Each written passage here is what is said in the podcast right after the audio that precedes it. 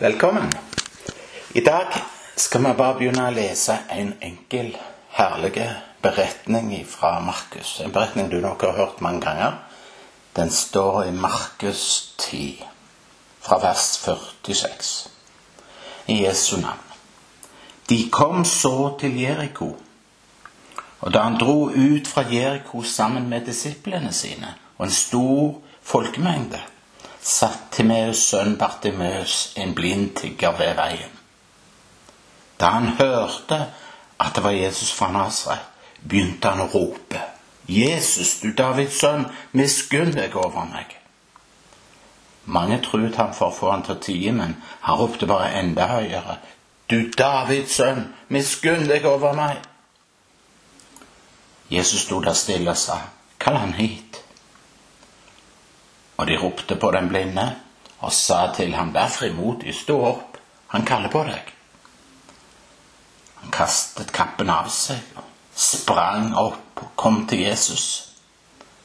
Jesus tok så til orde og sa til ham, hva vil du jeg skal gjøre for deg? Den blinde sa til rabbini, at jeg må få synet igjen. Og Jesus sa til ham, gå bort din tro har frelst deg. Og straks fikk han syn igjen og fulgte ham på veien. Gå bort, din tro har frelst deg. Herre, vi bare ber om du åpner troens øyne. Og la oss nå i dag få lov til å se denne beretningen sånn som du vil vise den til oss. I Jesu navn. Amen. Det er en herlig beretning. Jeg har talt om den mange ganger. Jeg blir bare så begeistra. En enkel og herlig beretning. Og jeg tror Gud har noe å si deg og meg gjennom denne beretningen. Du vet, Guds ord er jo ikke bare historie. Jeg kunne jo jeg kunne ha vært historielærer. Jeg kan fortelle historier, fortelle om historie. Men dette er ikke bare en sånn annen idé eller konsept eller historie. Men, men, men, men, det er et levende ord, Guds ord. Ikke sant? Og de og mi ånd, den får næring ved Guds ord. Det er den maten som vi får til gjennom Guds ord, som gjør at vår ånd vokser. Og Derfor tror jeg jeg kjenner bare tydelig og klart at jeg kan si det at det er et levende og aktivt Paulus bruker ordet virkekraftig. Guds ord er det. Ordet er levende, aktivt og virkekraftig, og det gjør noe med vår ånd. Fordi Guds ord kommer med den kraften som vi trenger. Guds ord hjelper oss og reiser oss. Og ordet vil faktisk få oss til å gå over de omstendigheter som du og meg står i. Jeg skal ikke gå videre inn på det, men jeg har opplevd det mange ganger. Men jeg tror ikke at du kan lese Guds ord uten ved Den hellige ånd. Du vet, Når Den hellige ånd kommer til og får opplyst Guds ord, så blir det alltid nytt igjen. Det blir levende. Det blir nytt som akkurat nybakt brød. Du har hørt historien mange ganger, du har lest historien mange ganger, men når Den hellige ånd får berørt dette ordet, og så får han berørt oss dypt i våre hjerter og vekke oss og åpner han våre hjertes øyne. Og Derfor har jeg så lyst til å si til deg les dette ordet som du aldri før har lest det. Bruk det. Hørte du det? Bruk ordet som du aldri tidligere har gjort. Forvent at Den hellige ånd taler til deg. Forvent at han viser deg nye sannheter. Så forvent at han får åpenbare sin vilje for deg. For Guds ord er Guds vilje. Ikke sant? Guds ord er lik Guds vilje. For han har jo bundet seg til ordet. ikke sant? Så hans ord, det har fått hans ja, amen. Og derfor trenger du og meg å, å ha dette ordet, Guds ord, i våre hjerter. Fordi at vi skal leve ved Hans ord. Og venner, ved Hans ord så skal vi få lov til å stå opp over de omstendigheter som vi står i. Når jeg ble frelst, så var mitt liv i kaos. Totalt kaos. Men når jeg ble født på ny, når jeg ble frelst, så kjente jeg at jeg fikk lov til å ta plasser med et kongsbarn. Den plassen jeg var kommet på der, der som han hadde kjøpt for meg som et barn av Gud, det var langt over min situasjon. Det var langt over den omstendighet som jeg står i. Men det er Guds ord som går fram og gir legedom kropp og sjel. Salme 107 så sier han 'sender sitt ord'. Du trenger nødvendigvis til at en pastor eller predikant legger hendene på deg. Men hvis ordet griper deg, Guds ord Hvis Guds ord griper deg, ja, da vil Guds ord forandre deg. Ordet vil tenne på lyset inni din ånd. Bibelen sier 'Mitt ord er en lykte for din fot'. Så la oss prøve å bruke ordet. La oss prøve å anvende ordet. Ta det i bruk på en helt ny måte. La ordet få aktivisere deg og gjøre noe med deg. Bartimeus, ja. Hvem var Bartimeus?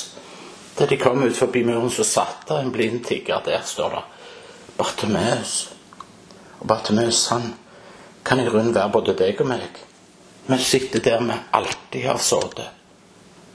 Og da han hørte, står det i vers 47, at det var Jesus fra Nasaret, ja, så begynte han å rope 'Jesus', han. 'Du Davids sønn, miskunn deg over meg'. Han hadde hørt noe. Og det han hørte, gjorde at livet hans ble helt annerledes. Det han hadde hørt, det gjorde at livet hans ble helt annerledes. Han hørte Guds ord, ja. Han hørte ordet om Jesus. Han hadde hørt at Jesus gjorde mirakler før. Og det fikk han til å handle på en helt bestemt måte. Tro, det kommer av å høre ordet. For ordet aktiviserer deg, ikke sant? Og vi ser når jeg leser denne teksten her, at tro er på en måte et handlingsord. ikke sant? For tro har med handling å gjøre. Er du med på det? Så dette er på en måte et profetisk bilde av, av Ebenezer, eller vårt land og vår tid. Er du med på det? Han hørte at Jesus fra Nasaret skulle dra forbi. står. Så begynte han å rope. Og hver gang jeg leser om Bartomeus, hver gang jeg kjenner, setter meg ned og fordyper meg her, og lar Den hellige ånd få vise meg noe, så, så, så, så blir det så blir det vekt et rop inni meg. ikke sant? Og jeg tror at dette er ei tid for å rope. Ikke sant? Jeg tror dette er ei tid som skal få bringe forandring til din familie, til ditt liv. Tenk det. I dag er det en forandring i ditt liv. Vi skal forvente at noe skal skje. Vi forventer at noe skal skje som, som forandrer omstendighetene. Vi kommer ikke være de samme. Halleluja. Jeg tror når Bartimeus hørte at Jesus kom, så kjente han inni seg at her kommer min frelse. Her kommer min løsning. Her har jeg min mulighet til å si igjen. Tror du ikke han tenkte det? Og Derfor begynte han å rope. Og derfor var å rope hans en sånn en handling. Det står ikke at han begynte å tenke, men han ropte. Desperat han begynte å rope. Og jeg er så sikker på at dette er tid for deg og meg til å rope. Rope, for han er her. For det er noe på gang. Det er noe på gang for oss på Ebenezer. Det er noe på gang i dette land. Så han begynte å rope. Han begynte å handle, han begynte å gjøre noe. Og jeg tror at det er tid for deg og meg til å handle. Hvorfor? Jo, for det er en forandring på gang. Og forandringen den starter alltid med deg og meg. Og Bartimeus han ropte. Jesus, du Davids sønn, miskunn deg over meg.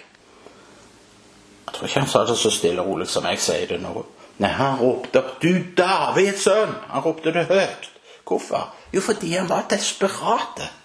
Han visste at ingenting kunne hjelpe ham. Han kjente og han visste at han var uten håp. Han var i en ganske trengende posisjon, og han var dømt til å være der resten av livet. Det visste han med sin blindhet. Bartimeus var helt uten håp. Derfor ropte han.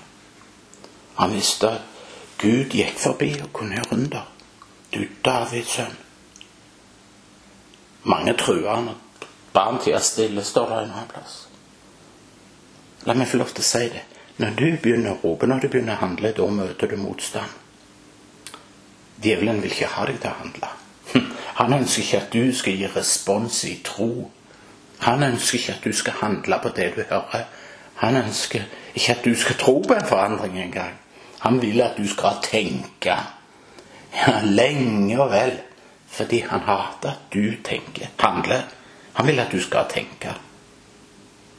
Han vil ha oss rolige, han vil ha oss tenkende og grublende. Men mener det har vært altfor lenge stille iblant oss. Jeg tenker når jeg jeg må jo si det, jeg går på fotballkamp av og til, og jeg liker godt å se Viking når jeg er på, på fotballkamper. Enten jeg sitter hjemme oppe på, og ser på fjernsynet fotballkamp. Da roper vi av begeistring. Jeg ser jo det folk kaster seg om halsen på hverandre som ikke kjenner hverandre. De hyler, de roper, de skriker, og de synger. Men når den største begivenheten passerer forbi oss i våre liv, ja, da blir vi liksom stille og religiøse, og vi får det hellige ansiktsuttrykket. Og så tror vi at Gud òg er sånn. Vi er ikke klar over at den største anledning holder på å gå forbi oss. Men at dette er ei tid til å rope. For vi er i en desperat situasjon. Vi trenger vekkelse på Jæren. Vi trenger vekkelse på Klepp. Vi trenger vekkelse i hele Norge. Kan du ikke det var det som skjedde med Bartomeus? Han var blind, han. Han var klar over situasjonen. Han var desperat og trengte et svar. Han kunne ikke klare seg uten. Han visste at han var fortapt uten. Derfor ropte han. Jesus passerte Bartomeus, og Bartomeus handla. Og Jesus, han er her i dag. Han passerer her forbi den plassen du sitter der og da. Han passerer forbi hver enkelt sofa og stol som vi bruker her inne. Ikke sant? Jeg tror at Jesus vil tale inn i ethvert sinn. Jesus vil berøre enhver kropp. Jesus vil tjenestegjøre inn i ethvert behov, midt inn i dine behov. Og så spør han hva vil du jeg skal gjøre for deg? For Jesus er interessert i deg og meg. Han har vist det med å gi oss det aller, aller beste. Sånn? Han gikk korsets vei for deg, han gikk det for meg. Og så er han her. Og han vil møte oss. Han vil møte deg midt i dine behov. Da trenger du ikke være hellige, men vær ekte. Bartimeus er ekte. Han brydde seg ikke om hva folk hadde å si. Se hva som skjer. Jesus han hører ropet. Han stanser opp. Og vi kan lese i vers 49 og 50. Og da står det Jesus sto der stille og sa til ham, kall ham hit. Og de ropte på den blinde og sa til ham, vær frimodig, stå opp, han kaller på deg. Og han kasta kappen av seg og sprang opp og kom til Jesus. Han kasta kappen av seg. Og det kan jo være at denne kappen av helt spesiell betydning. Det var på en måte et symbol på hvor han hadde vært hele livet. Det var mer eller mindre hans trygghet. ikke sant? Det var den plassen han var trygg. Kappen gjorde han trygg. Den der tiggerkappen var på en måte hans identitet. Alle kjente han igjen i den kappen. Det var gjerne det eneste han hadde. Kanskje det bare var Det var nesten som hjemmet hans. Og så kasta han bare denne kappen av seg det som jeg ser når jeg leser denne beretningen, i alle fall, fra det, hvis jeg ser bort fra det som har skjedd, så, så, tenker jeg at hvis vi ikke er villige til å oppgi alt det som er blitt så vant med, så vil vi heller ikke være i stand til å møte Jesus. Det er noe du og jeg trenger å legge bak oss. Hva er det vi trenger å legge bak oss, venner? Det er ting. Vi kan ikke leve i to verdener. Du må kaste av deg det som var, og så må du gå imot det som er. Mange av oss går med en sånn en skuffelsens kappe rundt oss. Noen er syke. Mange ganger så er du bedt for, ikke sant? Og hvis jeg treffer deg, og du sier 'Kan du be for meg nå?' Så, så sier jeg ja, det vil jeg gjøre. Og så tenker du kanskje at folk har bedt for meg før. Det har aldri virka. Det virker nok ikke nå heller.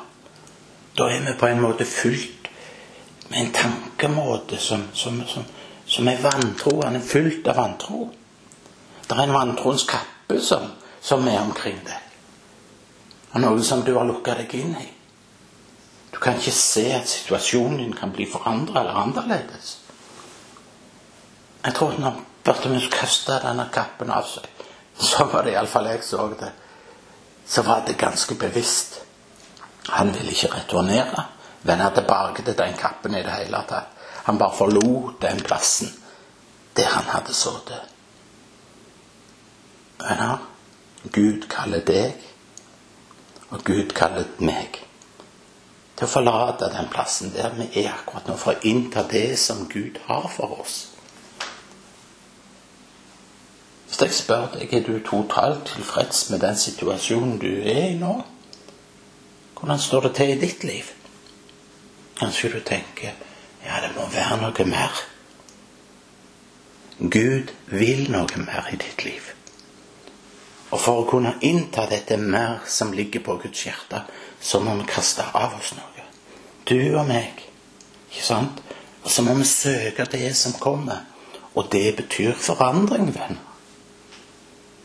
Men du vet, det er utrolig få av oss som liker forandring. Allikevel så trenger vi å forandre oss. Det som betyr noe, er at vi forlater det som har bundet oss opp så lenge. La det ikke binde deg lenger. Men, men, men kast det av deg. Kast av deg ethvert kompromiss. Jeg kjenner det så vanskelig for meg. det. For meg er det vanskelig. Men jeg må kaste av meg ethvert kompromiss jeg har gjort i livet mitt. Kaste bort vantroen jeg har. Men vi trenger ikke leve bundet i lenker. Du kan få bli fri i dag. Du kan få legge av alt ditt søppel og vandre Jesus ren og rettferdige herifra.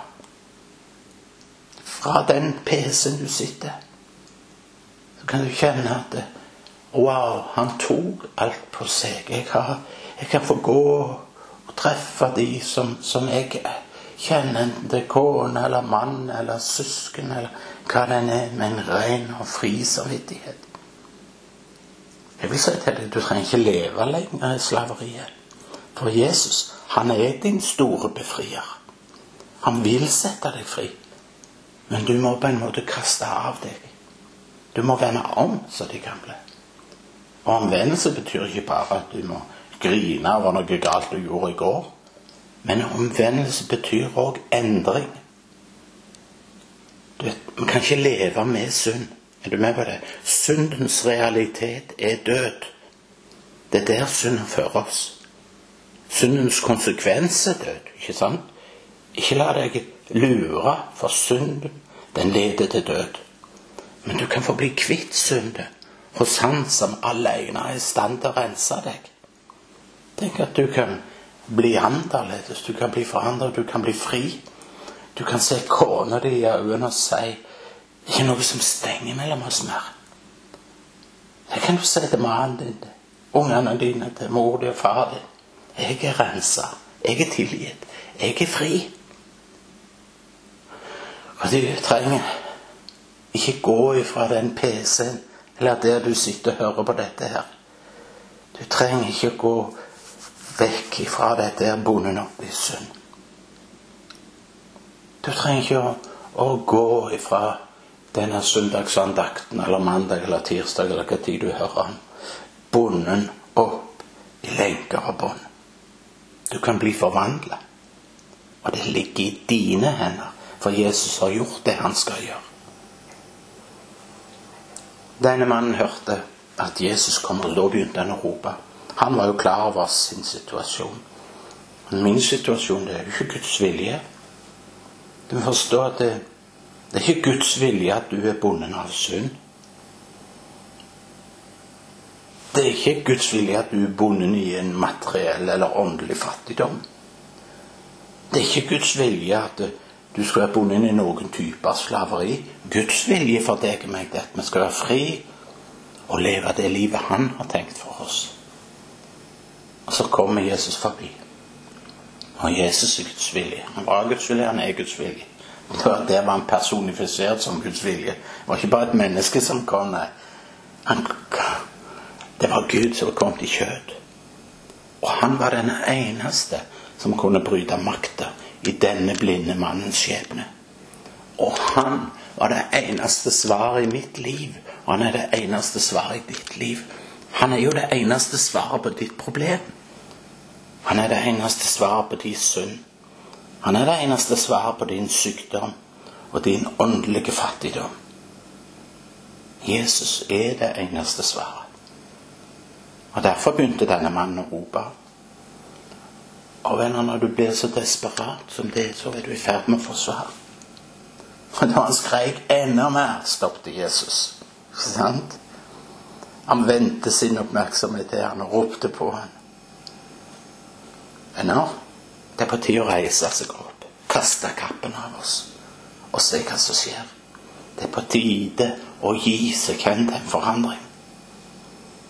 Vær ved godt mot, sier Herren. Vær ved godt mot. Hvorfor? Jo, for det skal skje en forandring. Det vil skje en forandring i ditt liv, i din familie. Du skal ikke lenger være den samme. Du skal reise deg over din situasjon. Du vil bli annerledes. Du vil bli fri. Du vil bli frigjort. Du skal bli fulgt av Den hellige ånd, og du skal få lov til å bevege deg i Den hellige ånds kraft. Hvorfor sier jeg dette? Jo, jeg sier det fordi det er Guds vilje. Og Gud trenger deg. Denne verden trenger deg. Du er det eneste uttrykket Gud har i denne verden. Jesus møtte Bartimeus med 'Hva vil du vi skal gjøre for deg?' Og da var ikke Bartimeus en han sa 'La meg få lov til å se igjen'. Han var så klar i sine behov, Bartimeus. Og du kan òg få lov til å være klar i dine behov. Du kan få lov til å komme framfor Jesus i dag og, og, og, og med alle dine innerste behov. Hva ønsker du at Gud skal gjøre for deg? Hva tror du at Gud ønsker å gi deg tilbake? Hva gjorde Jesus? Jo, han sier, 'Går 'gå, du, de tro har frelst deg'. Og hvordan så Jesus på den troa? Noe mystisk og usynlig? Nei, troa, den var handlingen. Hva gjorde Bartimeus? Han ropte. Han ropte høyere. Han reiste seg. Han kasta av seg kappen, og så satte han navn på sine behov. Han handla i tro. Så enkelt. Du trenger òg å handle i tro. Jeg trenger å handle i tro. Vi gjør det. Og Gud forventer det av oss. Vi må ikke bare tenke stille, rolig og religiøst, men vi må handle og ha forventning, venner. Ha forventning til Han. Så kan du få komme til Han med det som tynger deg, det som ligger som en kappe rundt deg. Ikke sant? Så skal du få ha forventning til Gud, og at Han vil berøre deg midt inn i dine behov. Gud vil, men vil du? Amen.